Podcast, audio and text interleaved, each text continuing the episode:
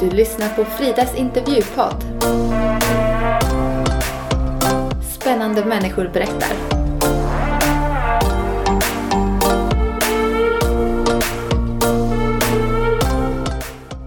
Hej och välkomna till det här avsnittet av Fridas podd. Idag så ska ni få lyssna till Steven.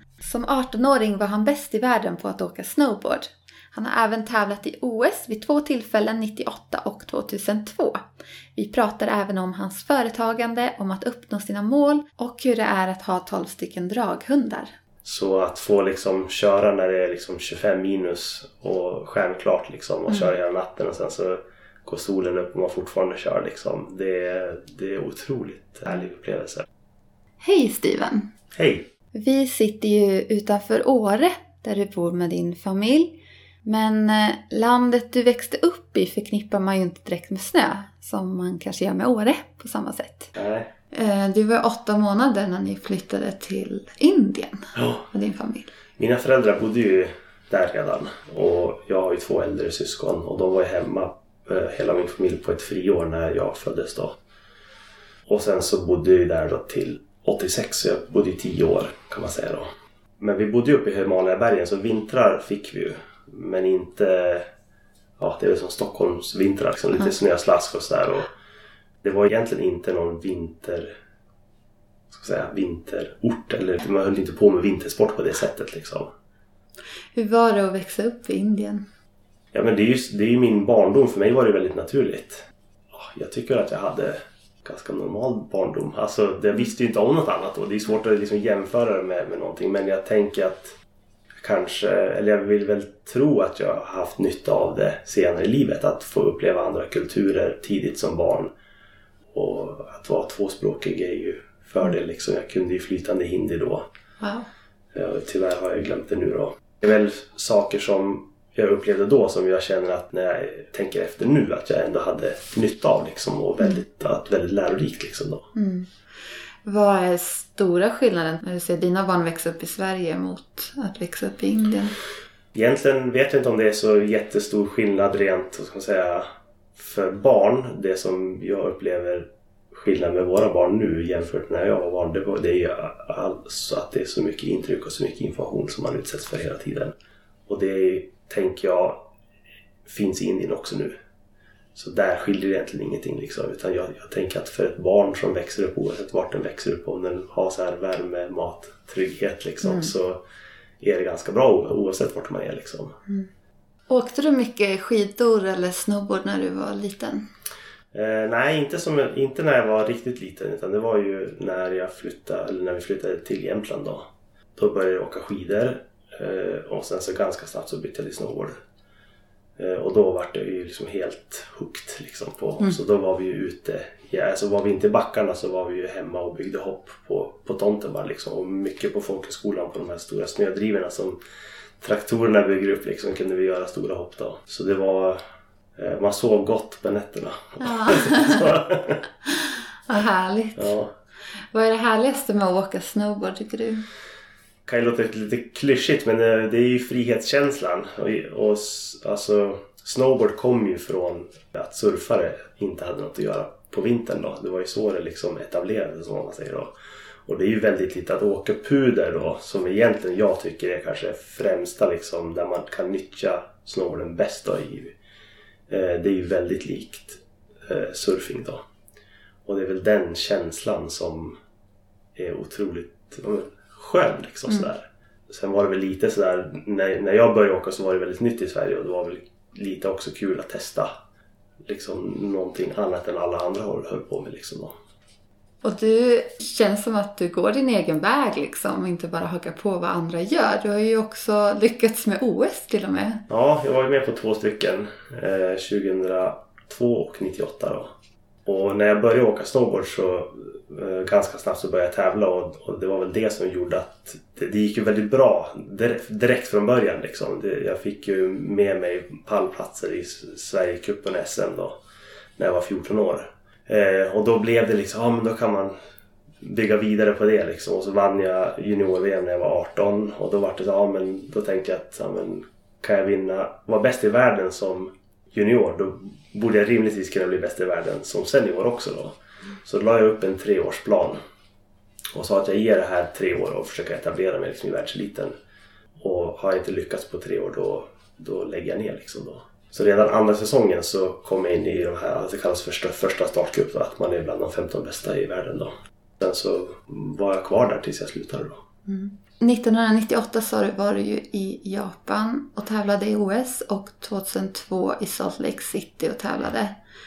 Hur gick det OS? Ja, tyvärr var ju inte OS, eller egentligen mästerskap överhuvudtaget var ju aldrig min starka liksom, sida utan vid alla mästerskap egentligen blev jag tagen liksom, av stundens allvar.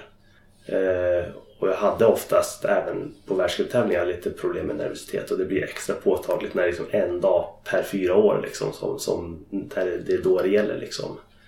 Så jag blev ju, mm, ska jag se om jag minns rätt, 18 98 och 12 2012 då I världen? i världen. Ja. Eh, och bästa placering på VM var ju en femte plats då. Det är otroligt. Ja. Så, och det är ju inte, det är ju i, bra så liksom. Men, men det var ju framförallt på världscuptävlingarna och un, under en säsong som jag var riktigt, riktigt bra. Alltså där, där det gick bra kontinuerligt liksom. Att jag hela tiden var bland de fem bästa på varje tävling, varje helg hela, genom hela säsongen. Liksom. Och det är väl det som jag egentligen tycker att det är det är ju mer imponerande än att man ly- lyckas en specifik dag. Liksom. Och det ser man ju på de här stora, stora stjärnorna här. Om man tänker på all, de som åker alpint liksom nu som vinner. De, är, de vinner hela tiden liksom. Och det är ju, det är ju mer imponerande än, än att man är bra just en specifik dag. Sen kanske man inte alls är bland de tio bästa någon annan dag. Så- en bra eller dålig dag liksom. Ja men precis. Men det är också en mental styrka att vara bra just den dagen. Och det ser man ju några. Det brukar alltid vara någon skräll på OS liksom. Mm, Oavsett idrott. Att det är någon som lyckas liksom samla, samla sig lite mer än, än, än de andra liksom. Och, och inte ta den dagen på för stort allvar liksom. Hur tänker man när man står där och ska göra sitt åk? Alltså jag tror inte man tänker så jätte- jättemycket. Det, det finns ju det här 10 000 timmar om du har hört. Nej, om man, om man eh, gör något 10 000 timmar så blir man ju riktigt bra på det då. Så jobbar man heltid med något i fem år då har man jobbat 10 000 arbetstimmar. Och, och det är väl det här att man alltså, repeterar det så, så många gånger att man gör på automatik. Jag tänker inte att jag egentligen tänkte så mycket innan utan man visste att jag kan åka. Jag behöver inte tänka för att åka liksom, utan det viktigaste var ju att veta hur banan var lagd egentligen. Liksom. Och så fokusera på det liksom, som man gör just där och då. Men det var alltid när man, när man startade liksom så då bara, jag vet inte, det är bara som att det, man kopplas liksom bort från allting annat liksom. Fick du något eh, stöd eh, runt om dig? Ja, inte direkt, inte direkt från början. Eh, men sen när vi liksom etablerades lite grann. Då vart ju Sveriges Olympiska Kommitté intresserad. Liksom. För deras, deras affärsidé är ju medaljer på OS. Liksom. Och de skjuter ju till pengar för att man ska ta medaljer. Då, liksom. Så när vårt landslag eh, blev duktiga liksom, då, då, då kopplades ju SOK in. Och då fick vi ju eh, stöd för att resa och tävla. Då. Men vi fick ju aldrig en månadsersättning. Så det var ju, våran lön var ju alltid prispengarna då. Liksom. Så om man inte åkte något bra då fick man äta gröt. Äta gröt. Havregrynsgröt Ja, precis. Ja. Mm. Vad är ditt bästa snowboardminne eller liksom bästa åk? Ska jag välja från tävlingsdelen då är det ju en specifik tävling eh, i Schweiz som jag vann då. Och då låg jag sjua efter första åket och så var det en ganska flack bana. Eh, och så, så var det en avslutning som var väldigt, väldigt brant. Eh, och då var det bara fyra, fem svängar.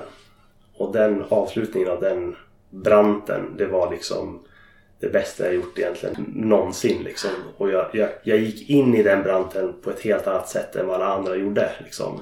Och det är väl det som jag känner är så här att sen stå och titta och så kommer de liksom sexa, femma, fyra, tre, två, ett och så alla är efter liksom. Det är en väldigt mäktig känsla just när man kände att den där sista branten och när man också såg dem åka att de inte tog den vägen jag tog det. Liksom, att det, det var en väldigt, väldigt mäktig känsla. Liksom. Så det är väl ja, säger, tävlingsmässigt då. Sen har jag haft fantastiska dagar på liksom bara åkt snowboard och det är alltid den åkningen som var bäst liksom. Mm. Är det det som har drivit dig, tror du, bara glädjen i att åka snowboard? Eller vad? Ja, det skulle jag nog egentligen säga att det är. På slutet var det ju lite som ett jobb. Alltså sista två, tre åren så var det ju mer liksom att jag ska göra det här för det är det jag lever på. Men det har ju alltid varit roligt att åka. Liksom. Jag hade ju tungt näst sista år. Då var, ju, då var jag beredd att lägga av då. Mm. Men eh, från början när vi åkte och, och liksom åkte runt och så då var det alltid liksom, vi väntade alltid på att det skulle komma snö någonstans. För vi var ju på så otroligt fina skidorter. Och då att ja, om det bara kom snö så kunde man liksom ut och åka ur det då. Så det var egentligen det som jag längtade efter liksom när man åkte runt. Och sen var ju som tävlingen blev att ja, men det gjorde vi för att det var det vi höll på med liksom. Har du någon favoritplats av de ställen som ni var på och åkte? Alltså Davos i Schweiz är så ett ställe som jag verkligen, verkligen gillar. Och sen så är ju Whistler i Kanada är ju ett annat sån där favoritort. Och det, det var egentligen mest för att det alltid kom snö. När vi var där. Ja. det är snön som gör det. Ja, precis. Du startar ju det här företaget, klädmärket plus minus noll. Mm. Vill du berätta lite om hur det kom till? Ja, alltså när jag slutade åka snowboard så behövde jag hitta på något annat då. Och då kom jag som in i sportbranschen lite. Det var ju nästan per automatik liksom. För det var ju en bransch jag kunde lite grann om, i alla fall från ett utifrån perspektiv liksom. Eh, och så småningom så pluggade jag till ingenjör. Och sen så när vi skulle liksom ja, välja vart vi skulle liksom flytta, då var Jämtland ett av egentligen fyra ställen då, som vi tänkte då. Och då fanns ju Lundhags i Järpen då, som är ett friluftsföretag. Och då sökte jag examensarbete där. Eh, och så gjorde jag den och sen så när jag var klar med det då behövde de hjälp. Och min dröm egentligen var ju inte att jobba med, med kläder. Jag hade ju tänkt att hålla på med Ja, man brukar säga man brukar skilja på hårdvara och mjukvara. Då. Och jag hade ju tänkt att hålla på med friluftskök, kanske konstruera dem liksom, eller rita en ryggsäcksram eller ja, men så här, saker som inte är sydda egentligen. Då. Eh, Men så blev det lite ja, per automatik att det var där de behövde hjälp på, på konfektion. Då. Så då kom jag som in på den biten och lärde mig, lärde mig det. Och sen så flyttade de kontoret 2011 till Stockholm. Det fanns ju inte så många alternativ om man ville hålla på med det där då. Utan då tänkte jag att ja, men då startar jag eget då. Och samtidigt så som jag startade en konsultverksamhet så startade jag Plus minus noll tillsammans med en kompis då. Och det var väl ett, en, lite en reaktion på att vi blev uppsagda eh, och att de flyttade liksom, kontoret till Stockholm för att det var liksom mycket fokus på tillväxt liksom och, och mycket fokus på pengar och jag tyckte att produkten, även fast jag själv hade viss bestämmande rätt över produkten så fick man inte styra produktutvecklingen i den riktning man kanske egentligen själv ville. Så plus minus noll var ju så här, det var ju en chans att vända upp och ner på allt det där egentligen liksom, och se på det från ett helt annat perspektiv då. Så produktmässigt så valde vi liksom gå tillbaka egentligen till 90-talet vad gäller liksom funktioner och, och hur kläderna såg ut. Då, liksom. Eh, för på den tiden, nu, det är faktiskt bättre nu, men, men när vi startade så var det ju väldigt, väldigt få som tänkte liksom dåligt väder när de ritade kläder. Utan det var mycket så här, gå med hunden på promenad i en storstad eller spela golf eller liksom. Så friluftslivet upplevde jag blev väldigt sportigt på den tiden. Och inte så traditionell liksom. Och det var ju också för att många av de företag sökte en kraftig tillväxt liksom. Och då måste man ju erbjuda produkter till människor som, som vill ha liksom det man behöver i sin vardag. Eh, Så vi ville liksom, ja men vi vill ju göra bra väderskydd liksom då. Och sen så var det hur vi, hur vi sålde liksom. Det var ju också en sån här, ett sätt att försöka göra bra kläder men inte göra det så dyrt då. Och så då riktade vi oss till direkt till konsumenten och det var vi också väldigt tidiga med. Eh, nu är det ju rätt vanligt att man går direkt på konsumenten liksom då. Och det tredje och kanske det som egentligen har gjort att det inte har riktigt tagit fart om man säger att vi inte kan leva på det, det var att vi valde bort marknadsföring. Att vi inte skulle marknadsföra oss. För vi resonerade som så att ja, men om man måste marknadsföra sig då är det kunden till slut som, som måste betala för den marknadsföringen. Man tar igen det på liksom det man tar ut för produkten.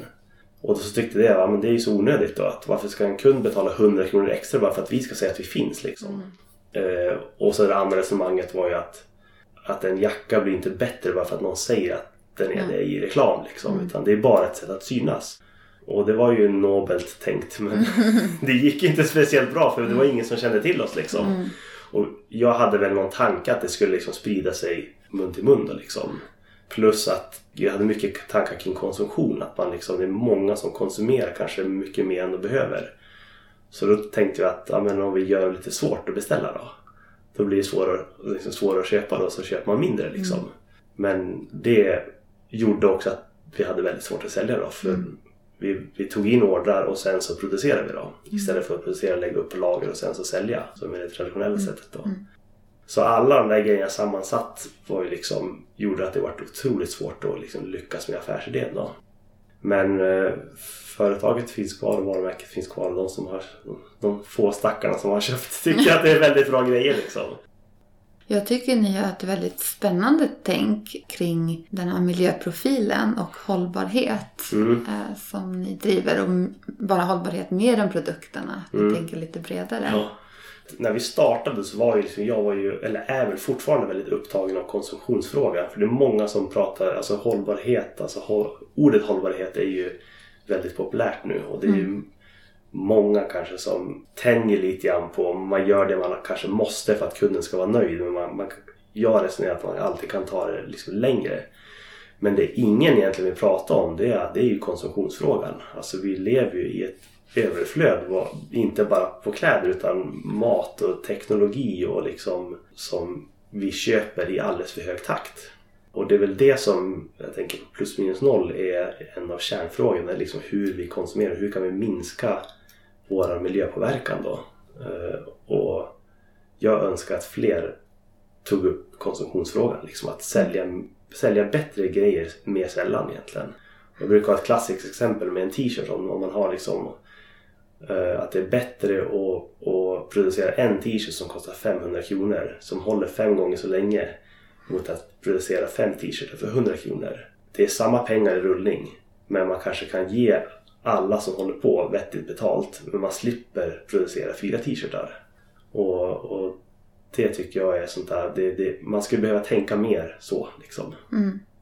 Hur tänker du kring så här, ja, när du väljer olika typer av material och sådär? Jag brukar säga att det finns en triangel när man tänker kring produkter och produktutveckling kopplat till hållbarhet.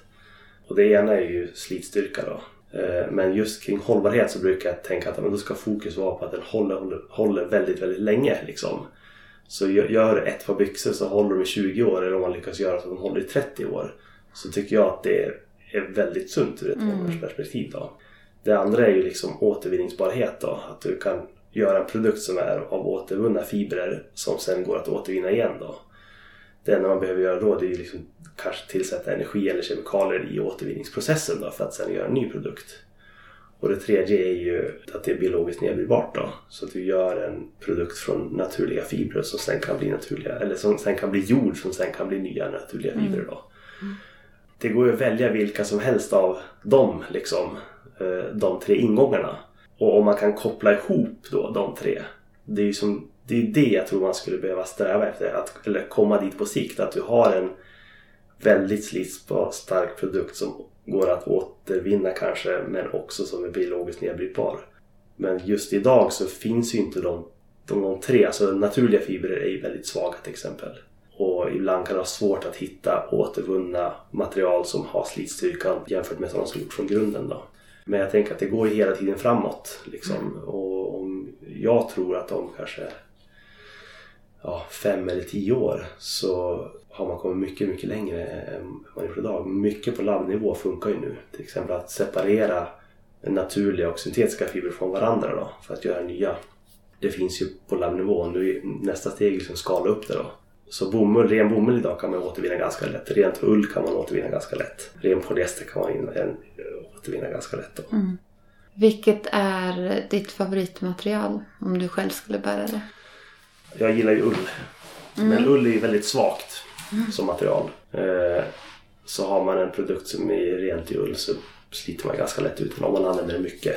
Det beror ju på naturligtvis hur man, hur man har den då. Eller hur man tvättar den. Jag har ju misslyckats Ja, några Ja, gånger. precis. Ulltvätt. Ja, just det. Men ull är ju komfortmässigt överlägset som material tycker jag. Mm. Och ha som så att säga, underställ. Eh, och utöver det så gillar jag syntetiska material som ytterplagg om man säger liksom. För du har en slitstyrka som är långt bättre än naturliga fibrer av bomull eller någon annan då. Och att det börjar komma de här systemen nu för att, att återvinna syntetiska produkter. Då. Du jobbar inom friluftsbranschen och, så, och som produktutvecklare men eh, friluftsar du mycket här i Åretrakten? Alltså sover ute i skogen? Ja, inte, inte så mycket sovit i skogen men jag har ju draghundar. Mm. Eh, och det intresset kom väl efter snowboardåkningen. Jag har ju alltid gillat hundar liksom så. Och vi har haft hund när jag var, när jag var, jag är uppvuxen med hundar kan man säga, när jag var barn. Så när jag slutade åka snowboard så ville jag väl prova någonting annat egentligen då. Och jag var också lite sådär trött på att känna blodsmak i munnen. Eh, Från all träning då. Och då upptäckte jag liksom slädhundsvärlden då. För då kan man liksom uppleva fjället utan att liksom flåsa ihjäl sig då. Så då började jag med det och, och har hållit på ja, egentligen sedan 2003 eller 2004 då. Och egentligen nu sista två, tre åren när jag börjar känna att jag kommer dit att jag är liksom... Man blir aldrig fullärd. Egentligen blir man aldrig fullärd på någonting men jag, jag har hållit på så pass länge att jag har fått vara med om det mesta liksom. Och när man håller på med djur så händer det hela tiden någonting liksom. Alltså det, är, det ska man vara beredd på och, och speciellt när man har lite fler. Vi har ju 12 hundar nu. Det var ju otroligt jobbigt i början när, när det hände om någon var liksom bara att den med en magsjuk liksom var ju jobbigt och då trodde man att den skulle dö i princip liksom. Och nu är det inte så jobbigt utan då vet man vad man ska göra liksom. Och man kan ta de där stegen så att den blir bra igen liksom då. Och så nu när det har gått så pass många år så, så är det lite mer rofyllt att hålla på liksom. Man blir inte stressad eh, av, av saker på samma sätt liksom. Vad är det största jobbet med draghundar skulle du säga? Det är bajsplockandet. Nej men det, det är väl det som är lite sådär. Man, det är, en skoter ställer man undan i maj. Och så tar man fram den i november. Och, och hundar är ju någonting med varje dag. Liksom. Man ska ju gilla att hålla på liksom. Gillar bajsplockning? Gilla bajsplockning och gilla mata och tycka att det är okej att de skäller liksom och sådär. Jag höll ju på med långdistanstävlingar eh, för tre eller fyra år sedan innan barnen började rida. de gillar hästar. Och det är ju en fantastisk eh, tävlingsform. Eh, när jag höll på att åka snowboard då var det hela tiden man slipade på tiondelar eller hundradelar. Liksom. Man åkte och åkte och åkte och försökte bli bättre. Och så när man liksom tränat ett helt år så man kanske, har man kanske kapat 1500 delar på ett åk. Eh, Och det var sån kontrast då till att börja tävla med långdistans med hundar när man kanske håller på ett par tre dygn liksom, med en tävling. Och då, då gör de där tiondelarna inte så mycket liksom. Och det var inte lika stre- liksom stressigt och samtidigt så fick man en otrolig fri, eller liksom, friluftsupplevelse då samtidigt. Då. Så att få liksom köra när det är liksom 25 minus och stjärnklart liksom och köra hela natten och sen så går solen upp och man fortfarande kör liksom. Det är, det är otroligt härlig upplevelse. Hur långt kör du? Den längsta tävlingen jag varit på var eh, 40 mil då eh, i Norge som jag körde för tre år sedan. Då. Så den tog ju 52 timmar. Oj. ja. Och det, det, jag tycker det är det som är så fascinerande med, med, också med draghundar. Att ett vältränat hundspann är ju ett fantastiskt färdsätt. Liksom, för de kan springa i princip hur långt som helst. Så när jag gick i mål på den här tävlingen. Då var det som att de inte, de var inte trötta. Utan de var så här, jaha. Vad gör vi nu då? Liksom. Alltså, så, här, så I princip så efter målgång så hade jag kunnat vila i fyra timmar. Och sen bara fortsatt. Och det är en sån otroligt härlig känsla. Och också att, att vara med och forma den. Liksom. För det, från början kan ju naturligtvis inte göra det. De måste ju tränas till det liksom då. Men att få vara med och bygga det där teamet liksom då. Det är ju otroligt häftigt. Hur tänker du när du ställer upp hundarna? Ska man tänka på något särskilt? Alltså vissa hundar har ju en större benägenhet att springa först. eh, Och andra gillar inte li- riktigt lika mycket. Nu har jag som tur är väldigt många som tycker okej att springa först. Liksom. Det handlar väl mest om att rotera så att inte alla liksom springer på samma ställe hela tiden för det blir väldigt monotont. Liksom. Eh, och speciellt hundar som springer längst bak får ta väldigt mycket smällar från släden liksom, när det är ojämnheter och så, så är det de som tar upp alla ryck egentligen. Då. Så det, det tycker jag är viktigt att tänka på att inte de springer längst bak hela tiden. utan Man, man, man roterar positionerna då. Eh, och sen så är det ju vissa som inte tycker om att springa liksom, bredvid en och det liksom, får man hålla lite koll på det. Liksom. Mm. Och några blir störda av att någon springer bakom och då får den vara framför. Ja. Liksom. Och det, där, det där ser man ju när man, när man tränar. Liksom. Mm. Hittar det där formatet. Liksom, då. Så den kopplingen är ganska rolig att göra till ett arbetslag. Ja. För de är så otroligt, eh, hundarna är så otroligt arbetsvilliga. Och när du har ett helt hundspann liksom, som, som bara vill framåt liksom, och det är inga störningar. Det är sån, det är sån häftig känsla. Och jag brukar alltid tänka på, tänk om man hade liksom ett arbetsteam som var så ivriga på att jobba liksom. Eh, Och, och ha den glädjen på ett jobb. Vad otroligt produktiv man skulle bli liksom. Mm. Jättespännande parallell. Ja. Vem är du i det här arbetslaget? Jag är chefen! Du är chefen. Nej men det är ju det som är lite, liksom lite kul för det är ju Det är ju mitt ansvar att se till att ingen går över gränsen. Och att de får mat och vila i tid om man tänker liksom långdistanstävlingar. Och att man ger dem självförtroende. Det handlar jättemycket om det liksom. Och att de ska vilja gå när det är djupsnö och, och när de blir trötta så ska, ska de lita på att jag aldrig pressar dem längre än det jag vet att de kan. Eh, så någon slags ledarfunktion har man ju liksom. Och hundar säger ju aldrig ifrån. De säger aldrig till. De är så otroligt... Eh, har sån otrolig arbetsmoral. Så det gäller hela tiden att ha koll på varje hunds individuella liksom, kapacitet då. Och inte köra för fort liksom. Och, och, för det är alltid den ja, svagaste hunden som egentligen får sätta farten liksom. Jättespännande. Vad mycket mm. paralleller man kan dra. Ja, men verkligen. Ja. Ja. Sen är det väldigt speciellt att hålla på med djur. Det är ett ansvar att inte pressa dem för långt. Eh, Och det tänker jag också man kan dra liksom parallellt till arbetslivet. Att inte pressa folk för långt liksom. Om de inte kan utan ge dem förutsättningarna för att göra sitt absolut bästa men inte pressa dem att göra för mycket. Jätte, jättebra. Och du nämnde att dina barn eh, rider och sådär. Och ni har ju haft en egen häst. Mm, vi har två stycken. Ni har två nu. Ja. Hur är det? Ja, jag gillar inte hästar. men jag gillar barnen. En Nej, men- snäll pappa. Ja, nej men det är ju, det är ju samma sak där med liksom, det är varje dag året runt pyssel och, och jag tänker att det är eh, otroligt lärorikt för de får skinn på näsan barnen när de, när, när de håller på. Och jag personligen gillar inte alls hästar för att jag tycker liksom att det är alldeles för mycket muskler i en alldeles för liten hjärna och att de har en flyktkänsla liksom. Eller det är ett flyktdjur. Och det där tycker jag är så otroligt knepigt att liksom att man ska liksom tygla den där flyktkänslan liksom då. För att de vill ju hela tiden bort från det som de tror är farligt då. Mm. Men hästar som djur är ju fantastiska egentligen. Eh, men framförallt så tänker jag att det är otroligt fostrande för barnen att hålla på. Det tror jag de har med sig liksom livet ut egentligen.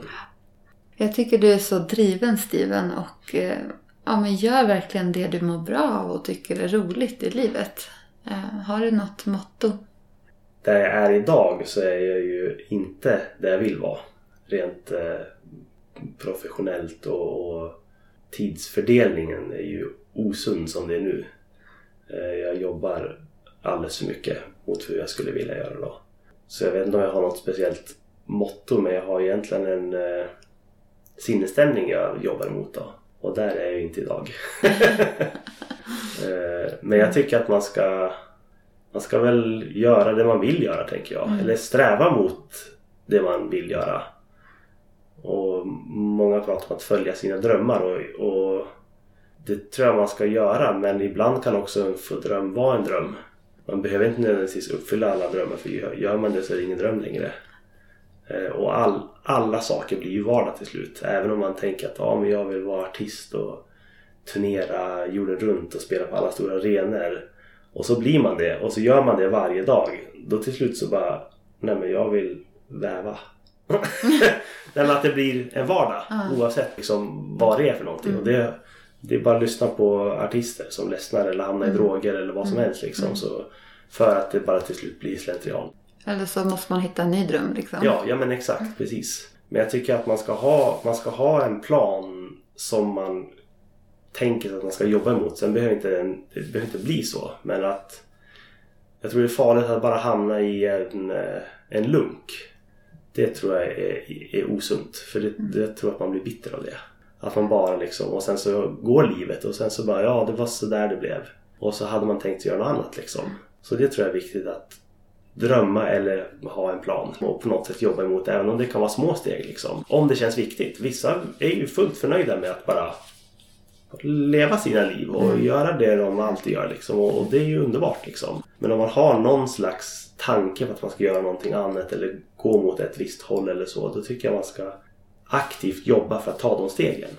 På slutet här nu, tips från coachen liksom. Du har ju varit inne på lite. Men om man vill liksom utmana sig själv eller om lyssnarna känner så här wow, jag vill också ta tag i någon av mina drömmar. Ehm, vad skulle du säga då? Jag brukar säga att jag gillar, när, jag är bäst på jobbet när det är lite edgigt. När man inte riktigt eh, vet hur det kommer gå eller vet hur man ska lösa saker. Då, då tror jag man lär sig också väldigt mycket. Eh, som, jag tror inte att man ska vara rädd för att ibland ta på sig saker man inte riktigt vågar ta på sig. För det blir man ju ofta stärkt av. Det tror jag är liksom det, det bästa sättet att utveckla sig själv. Är att våga säga ja och kanske lite så här, lite kaxigt också att liksom man behöver inte ljuga men man, men man behöver inte säga att man inte kan heller. Bara för att man inte har gjort det förut. Utan oftast gäller ju samma principer fast det blir i större skala. Och stärkande att känna att man klarar av det. Jag tror många klarar av mer än man tror. Att man kanske inte riktigt vågar eller tror mm. att man är för dålig. Eller. Mm. Och det är ingen fara att misslyckas. Jag har ju misslyckats massor med mm. gånger. Men det blir man bara stärkt av. Och det här i tanken, liksom, du nämnde det, att, att inte klanka ner på sig själv och sådär. Mm. Och också motivationen. Liksom, ja, men, att stå där i OS, liksom, det, det är ju en resa mm. dit. Ja, men det är det absolut. Mm. Och det är mycket. Jag hade ju jättetuffa perioder då jag tvivlade på mig själv. Liksom, så här, men att ändå fortsätta att göra det och, och tänka sig att ja, men om jag tar de här stegen så borde det rimligtvis gå så bra som det kan gå. Då, liksom. Mm. Att ha den där planeringen framför sig och se vilka, vad, vad ska man göra för att komma dit man vill. Det, det tror jag är viktigt och så bara börja bocka av mm. dem. Och ingen blir ju bäst från dag ett liksom. Det är ju en omöjlighet liksom. Utan man tar de där små stegen och så kanske man har ett, ett långsiktigt mål och så bryter man ner det i mindre mål. Man ska inte ha för bråttom liksom. Och, och komma dit. Det, det, tar ju tid. Mm. Så är det ju. Bra tips i början på det nya året med mål och eh, planering. Tack Steven för att jag fick intervjua dig. Tack själv, vad kul. Mm. Lycka till med allt. tackar.